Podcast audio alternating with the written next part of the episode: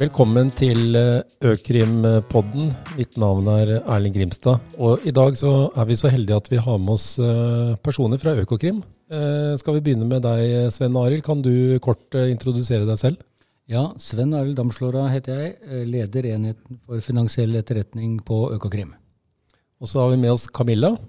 Camilla Flesje Christiansen, og jeg jobber på compliance på EFE. Vi tenkte vi skulle eh, snakke litt om EFE eh, sin rolle. Mange forbinder jo det med Økokrim og vet kanskje ikke at eh, det er noe som heter EFE. Hva er egentlig en EFE? Kan du si litt om det, Svein Arild? Ja, Vår sentrale rolle det er jo som for det første å ta imot, behandle og videreformidle den viktige informasjonen som de rapporteringspliktige sender til oss. Det er noe av vår hovedelement. Videre så er vi veldig opptatt av å samordne og, og, og mm, kommunisere godt med de rapporteringspliktige, eh, slik at rapporteringen blir så god som mulig. Det er jo veldig viktig.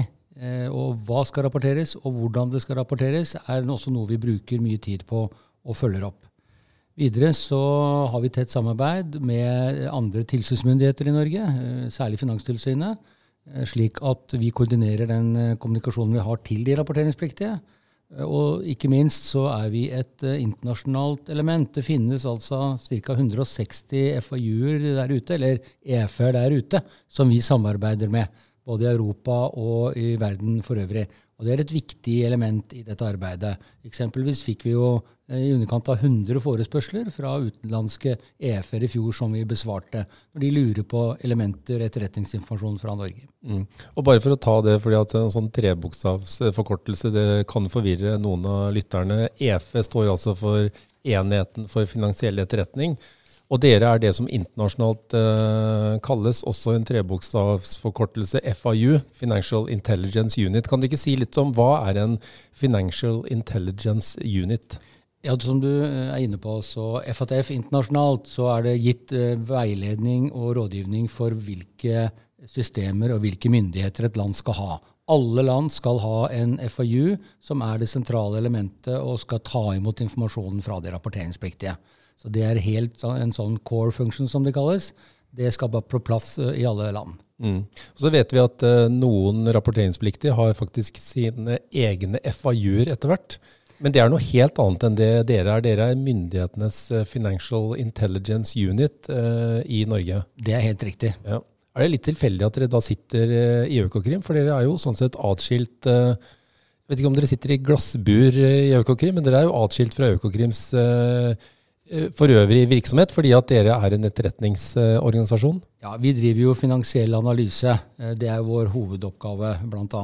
Eh, og mens resten av Økokrim etterforsker straffesaker i det straffeprosessuelle sporet, så er jo vi ikke der. Vi jobber etter annen lovgivning og har andre oppgaver. Men totalt sett så er det slik at oppgaven å, å, å lede og dekke FAU-ens oppgaver og roller, den er gitt til Økokrim som nasjonalt organ. Ja. Mm.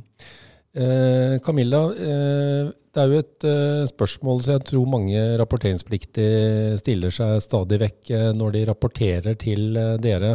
Og det er jo spørsmålet om hvor mye informasjon trenger dere? Hva skal inngå i, i rapporteringen? Eh, skal vi begynne med deg, Camilla? Kan du si litt om hva, hva liker dere da? Å motta informasjon fra rapporteringspliktige? Hva kan dere gjøre med informasjon hvis dere mottar riktig informasjon? Det kan vi komme litt tilbake til, men, men hva trenger dere av informasjon for å gjøre en analyse og forstå hva dere faktisk får rapportert til dere? Eh, ja, eh, De viktigste opplysningene i en god rapport er eh, først og fremst en grundig beskrivelse av bakgrunn for mistanken, eller det som var rart, som vi ofte sier. Det er viktig med opplysninger om kunden, altså personen eller organisasjonen, og de som knytter seg til det mistenkelige forholdet. Eh, relevante dokumenter må legges ved, og det varierer da ut fra hvilken rapporteringspliktig gruppe som sender inn rapportene. F.eks. en eiendomsmegler, så er det en kjøpekontrakt. For en bank så er det bl.a. kontoutskrift.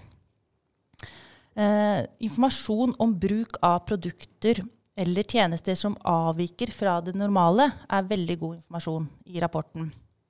Og ikke minst funnene fra undersøkelsesfasen som førte til at man ikke avkreftet mistanken. Og dersom kunden i tillegg har hatt en spesiell oppførsel eller måte å svare på som var unormal, så er det veldig nyttig informasjon å få med i rapporten. Den informasjonen er helt unik for våre analyser. Mm. Forventer dere at de som rapporterer, også tar kontakt med dere på annen måte? Altså ringer dere eller følger opp en rapportering? Ja, Det som skjer hvis de er usikre på hvordan de skal rapportere, så, så ringer de oss og spør. Eh, dersom det kommer inn rapporter som, er, som ikke er tilfredsstillende, så, så, gir vi beskjed om hva som eventuelt mangler. Mm. Men, men, men, jeg har forstått at eh, det er jo ikke sånn at når man har sendt en rapport, så Eh, kan man forvente at man hører noe fra, fra dere? Verken om hva dere gjør eller tilleggsopplysninger dere trenger. Altså det er helt tyst. Er det riktig? Er det liksom hovedregelen? Det, det er vel, hovedregelen er at de ikke får noe mer enn en kvittering når man sender inn en rapport. Det er helt riktig. men så er det sånn at dersom rapporten blir tatt inn i prosjekt, så får de en beskjed om det. Mm. Ja, og Samtidig så vil jeg jo si det at uh, vi oppfordrer de rapporteringspliktige til å ta kontakt med oss. Jeg hadde jo senest en, uh, en telefon fra en rapporteringspliktig aktør i går, hvor de ønsket avklart og drøftet uh, en utfordring rundt dette med innholdet, hva de skulle rapportere og hvordan de skulle rapportere. og vi er jo, den enheten som skal være med på å gjøre de rapporteringspliktige gode på dette. Så vi tenker, og vi har lagt opp vår virksomhet nettopp slik at vi skal kunne komme denne type kontakt i møte. Mm. Men, men, eh, kanskje det neste spørsmålet mange stiller seg da, er hva skjer egentlig med de rapportene dere mottar? Hva gjør dere med den informasjonen dere mottar? Kan dere si litt om det? Jeg vet ikke om vi skal begynne med deg, Svein Arild? Det kan du godt. Eh, og jeg tror jeg vil bare innledningsvis også si det som, eh, som en oppfølging av det forrige. At det, man må være klar over at en rapport til oss er veldig ulik forskjellig, avhengig av hvilken rapporteringspliktig gruppe som har rapportert. Du har eh, rapporter som inneholder svært lite datainformasjon, og så har du store rapporter, analyser som, eh, som, inneholder mye informasjon, som det faktisk tar ganske lang tid å gå gjennom. Bare så det er et utgangspunkt. Og så er det også viktig å understreke innledningsvis når vi skal diskutere hva som gjøres med dette, at dette er jo ikke en anmeldelse. Vi var innom det i sted. at uh, Vi er jo ikke det sporet. Det er et helt annet spor vi følger. Men bare sånn innledningsvis så er det viktig tenker jeg, å understreke at uh, alle rapporter som sendes til oss, blir gjennomgått uh, og vurdert. Det er ikke slik som man kanskje kan ha fått oppfatning om, at dette ikke gjøres, og at det er bare et lite antall som gås gjennom. Faktisk er det slik at når det kommer en nevnte-rapport til oss, så vil den helautomatisk bli validert, som vi kaller det, eller bli vurdert og um, kjørt opp imot mange andre kilder som vi sitter på, og som vår løsning er koblet på. Valutaregistre, folkeregister, løsøreregister, alle politiregistrene. Så bare det at denne MT-rapporten er sendt oss, eh, vil gjøre en automatisk bearbeiding, og vi sitter med et helt annet grunnlag bare gjennom den første runden. Og så kjøres jo da dette også mot interne varslingslister, på samme måte som mange av de rapporteringspliktige, OFAC-lister osv. Og, så og i den grad de rapporteringspliktige har eh, merket av at noe er mistanke om terrorfinansiering, så gås den gjennom av spesielle analytikere som bare primært jobber med denne type eh, MT-rapporter. Eh, og så er det jo det å si også at alle rapportene, i hvert fall så langt per i dag, gås også gjennom manuelt. Både fordi vi man kan aldri være 100% sikker på at alt fungerer sånn som det er satt opp elektronisk heller. Så vi er veldig opptatt av at vi skal ha rutiner for å sikre at vi ikke går glipp av tidsriktig og viktig informasjon. Sånn at eh, vi har en deskfunksjon, sånn som vi har organisert i dag, som også hver dag går gjennom det som kommer inn, eh, og screener dette manuelt. Eh, så MT-rapportene blir eh, nøye analysert, alle sammen. Alle de 11.500 som vi fikk i fjor, er gjennomgått. Ingen blir bare lagt til side og ligger som død informasjon. Eh, for det er også veldig viktig å få presisert at vi har en løsning som er sånn at uh, det kan skje noe rundt uh, en, en, persons uh, liv i morgen. Det var ikke interessant i dag, men det kan komme en ny MT-rapport dagen etter, uken etter. politiet kan gjøre et beslag. en annen rapporteringspliktig kan få en transaksjon som de rapporterer, og så blir plutselig verdien av den forrige sett i lys av dette, og dermed jobber vi videre med det. Men så er det også det å si at når du spør om hva som skjer med disse MT-rapportene, så, så, tror jeg vi skal være ærlige og si at uh, dette er jo uh, informasjon med veldig lav inngangsverdi. Altså mistanken kan være veldig lav, og det skal den jo være etter hvitvaskingslovens rapporteringsplikt. Så det er jo ikke slik at alle disse sakene blir endelig behandlet og bearbeidet uh, gjennom et stort system og, og lages straffesaker av. Sånn er det jo ikke. Mm. Og vi er vi på samme måte som de rapporteringspliktige. Når vi har gjort alle disse inngangsscreeningen, inngangsvurderingene, så prioriterer vi ut ifra trussel og risiko, akkurat som de rapporteringspliktige, og de nasjonale føringene som ligger der. Eh, når myndighetene retter eh, blikket og oppmerksomheten mot eh, f.eks.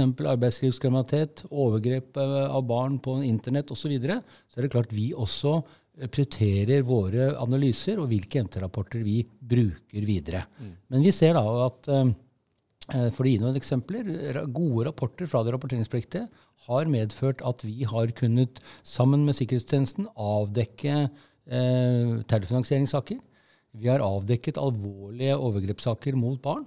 Og vi har vært med på gjennom den gode rapporteringen og vår analyse og bearbeiding avdekke omfattende bedragerier mm. eh, mot både enkeltpersoner og selskaper. Så eh, det er eh, viktig, og vi er veldig opptatt av at eh, de rapporteringspliktige skal ha eh, forståelse for at alle rapportene blir eh, behandlet og vurdert. Så selv om den rapporteringspliktige ikke kan forvente noen tilbakemelding fra dere om hva som konkret skjer av oppfølgingstiltak i den enkelte sak, så skal de vite at dere ser på alle saker, dere behandler og vurderer alle saker. Og som du sier, noen kan jo bli liggende der for i ettertid uh, å løftes fram igjen fordi at det har treff mot uh, en mistanke man har på et senere tidspunkt.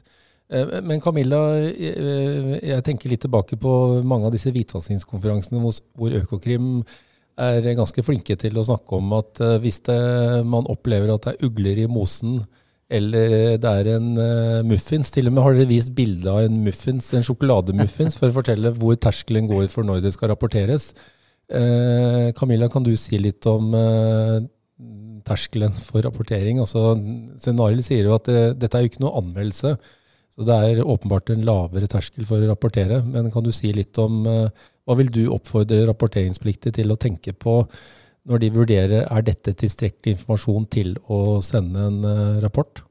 Eh, når, når, de bare begynner å lure på om de skal sende inn en rapport, så er de på god vei. Uh, og er de i tvil, så ringer de ofte og spør. Og da er det jo ofte at man gir veiledning på hvordan man kan undersøke videre. Så det er jo viktig å gjøre godt arbeid i undersøkelsesfasen som skal hjelpe da, den rapporteringspliktige til å eventuelt få avkreftet uh, mistanken. Uh, så vi har ikke et klart svar på hva en terskel er. Uh, det kan være veldig ulikt også fra hvilken kunde og hvilken bransje. og ja, hvilket forhold egentlig kunden eller banken eller de rapporteringspliktige har. Så det er vanskelig å gi et helt entydig svar på akkurat hvor en terskel ligger. Mm. Mm. Før så het det jo mistenkelige transaksjoner. Eh, nå snakker man om at også mistenkelige aktiviteter skal eh, innrapporteres, altså alle mistenkelige forhold. Eh, innebærer det egentlig noe skifte etter ny hvitvaskingslov av 2018? Nei, det var ikke meningen. Det som var meningen, var at det skulle være en liten terskel mellom undersøkelse og undersøkelsesplikten og den oppfølgende rapporteringsplikten men at uh, terskelen for øvrig for rapporteringsplikten ikke skulle være annerledes enn tidligere. Mm. Og så kan dere helt sikkert bekrefte at uh, det er ikke noe krav om at en rapporteringspliktig må vite fra hvilken straffbar handling midlene stammer fra. Altså Man må ikke kunne sannsynliggjøre at det stammer fra narkotikasalg eller bedragerier eller skatteunndragelser eller andre straffbare handlinger. Nei. Nok at det er mistenkelige forhold. Ja, noe slikt krav foreligger ikke. Nei. Helt til slutt så tenkte jeg at dere begge skulle få muligheten til å fortelle litt om deres forventninger til banker og andre rapporteringsplikter. Hvis dere har liksom, liksom tre-fire på topp eh, tilbakemeldinger som dere ønsker å gi til banker og rapporteringspliktige, så har dere noen lyttere der ute som er interessert i å høre om det? Eh, ja, først og fremst så vil jeg si at vi forventer at ledelsen eh, hos de rapporteringspliktige tar dette arbeidet på alvor og prioriterer det. Vår erfaring er at skal man lykkes med dette, så er det helt avgjørende at man har ledelsen i ryggen. I tillegg er et godt fagmiljø viktig. Det bidrar til å gjøre resten av virksomheten god. Det er viktig at de ansatte uh, har både eierskap og forståelse til dette arbeidet. Så de som jobber på førstelinje, må få god opplæring og vite hva de skal være oppmerksomme på. Men det samme gjelder også eksempelvis en relationship manager i dialog med sin bedriftskunde. De må også være trygge på hvordan man stiller spørsmål, og de må være trygge på når de skal stille spørsmål. Så de virksomhetene som er gode på dette gjennom hele verdikjeden, der får vi de beste rapportene. Og til slutt så vil jeg vel si at eh, vi forventer jo regelmessig gjennomføring av eh, risikovurderinger eh, og rutiner, men aller viktigst er det jo at man klarer å operasjonalisere dette arbeidet. Vi forventer at kunder som er blitt satt på forsterkede kundetiltak, følges opp, og at det rapporteres om mistenkelige forhold ved unormal bruk. Kundene må altså ikke ende på en liste bare som heter forsterkede kundetiltak. Ja, Svein Arild, du har ja. sikkert også noen uh, ting å komme med? Nå tok ja. jo i og for seg eh, Camilla noe av det, det, viktigste, i hvert fall. Eh, men jeg tenker sånn litt overordnet også. Um, jeg tenker at det er viktig for oss at de skjønner at det er ikke dem og oss, men det er vi. Vi har litt forskjellige oppgaver. Vi har litt forskjellige roller i dette antihvitvaskingsregimet. Eh, og vi er veldig avhengig av hverandre. Å ha en god forståelse for det, og at i hvert fall vi er der hele tiden for å gjøre dette regimet bedre og mer optimalt. Det er en av våre hovedoppgaver. Så tenker jeg at, eh, som jeg har sagt før også på hvitvaskingskonferansen, eh, uten et førstelinjeforsvar, som de egentlig utgjør i denne kampen, så er vi sjakkmatt. Hvis de, vi ser jo det de gangene det ikke fungerer hos en rapporteringspliktig eller i noen bransjer, Eh, så står resten av aktørene eh, egentlig uten virkemidler, uten evne og mulighet til å følge det opp. Så eh, skal vi få, dette til å fungere, så, og at de får, forstår at de er den viktige førstelinjen. Det er de som initierer og fanger opp trender, fanger opp indikatorer, egentlig, og også og, og kan stanse og stoppe uh, denne kriminaliteten og være med på det. Det tror jeg kanskje er viktig å understreke. Mm. Tusen takk skal dere ha, både Camilla og Sven Arild. Nå har vi fått uh, en bra gjennomgang, syns jeg, av hva dere gjør uh, hos Enheten for finansiell etterretning, og også noen tilbakemeldingssignaler som rapporteringspliktig kan ta med seg. Så tusen takk skal dere ha. Da avslutter vi her.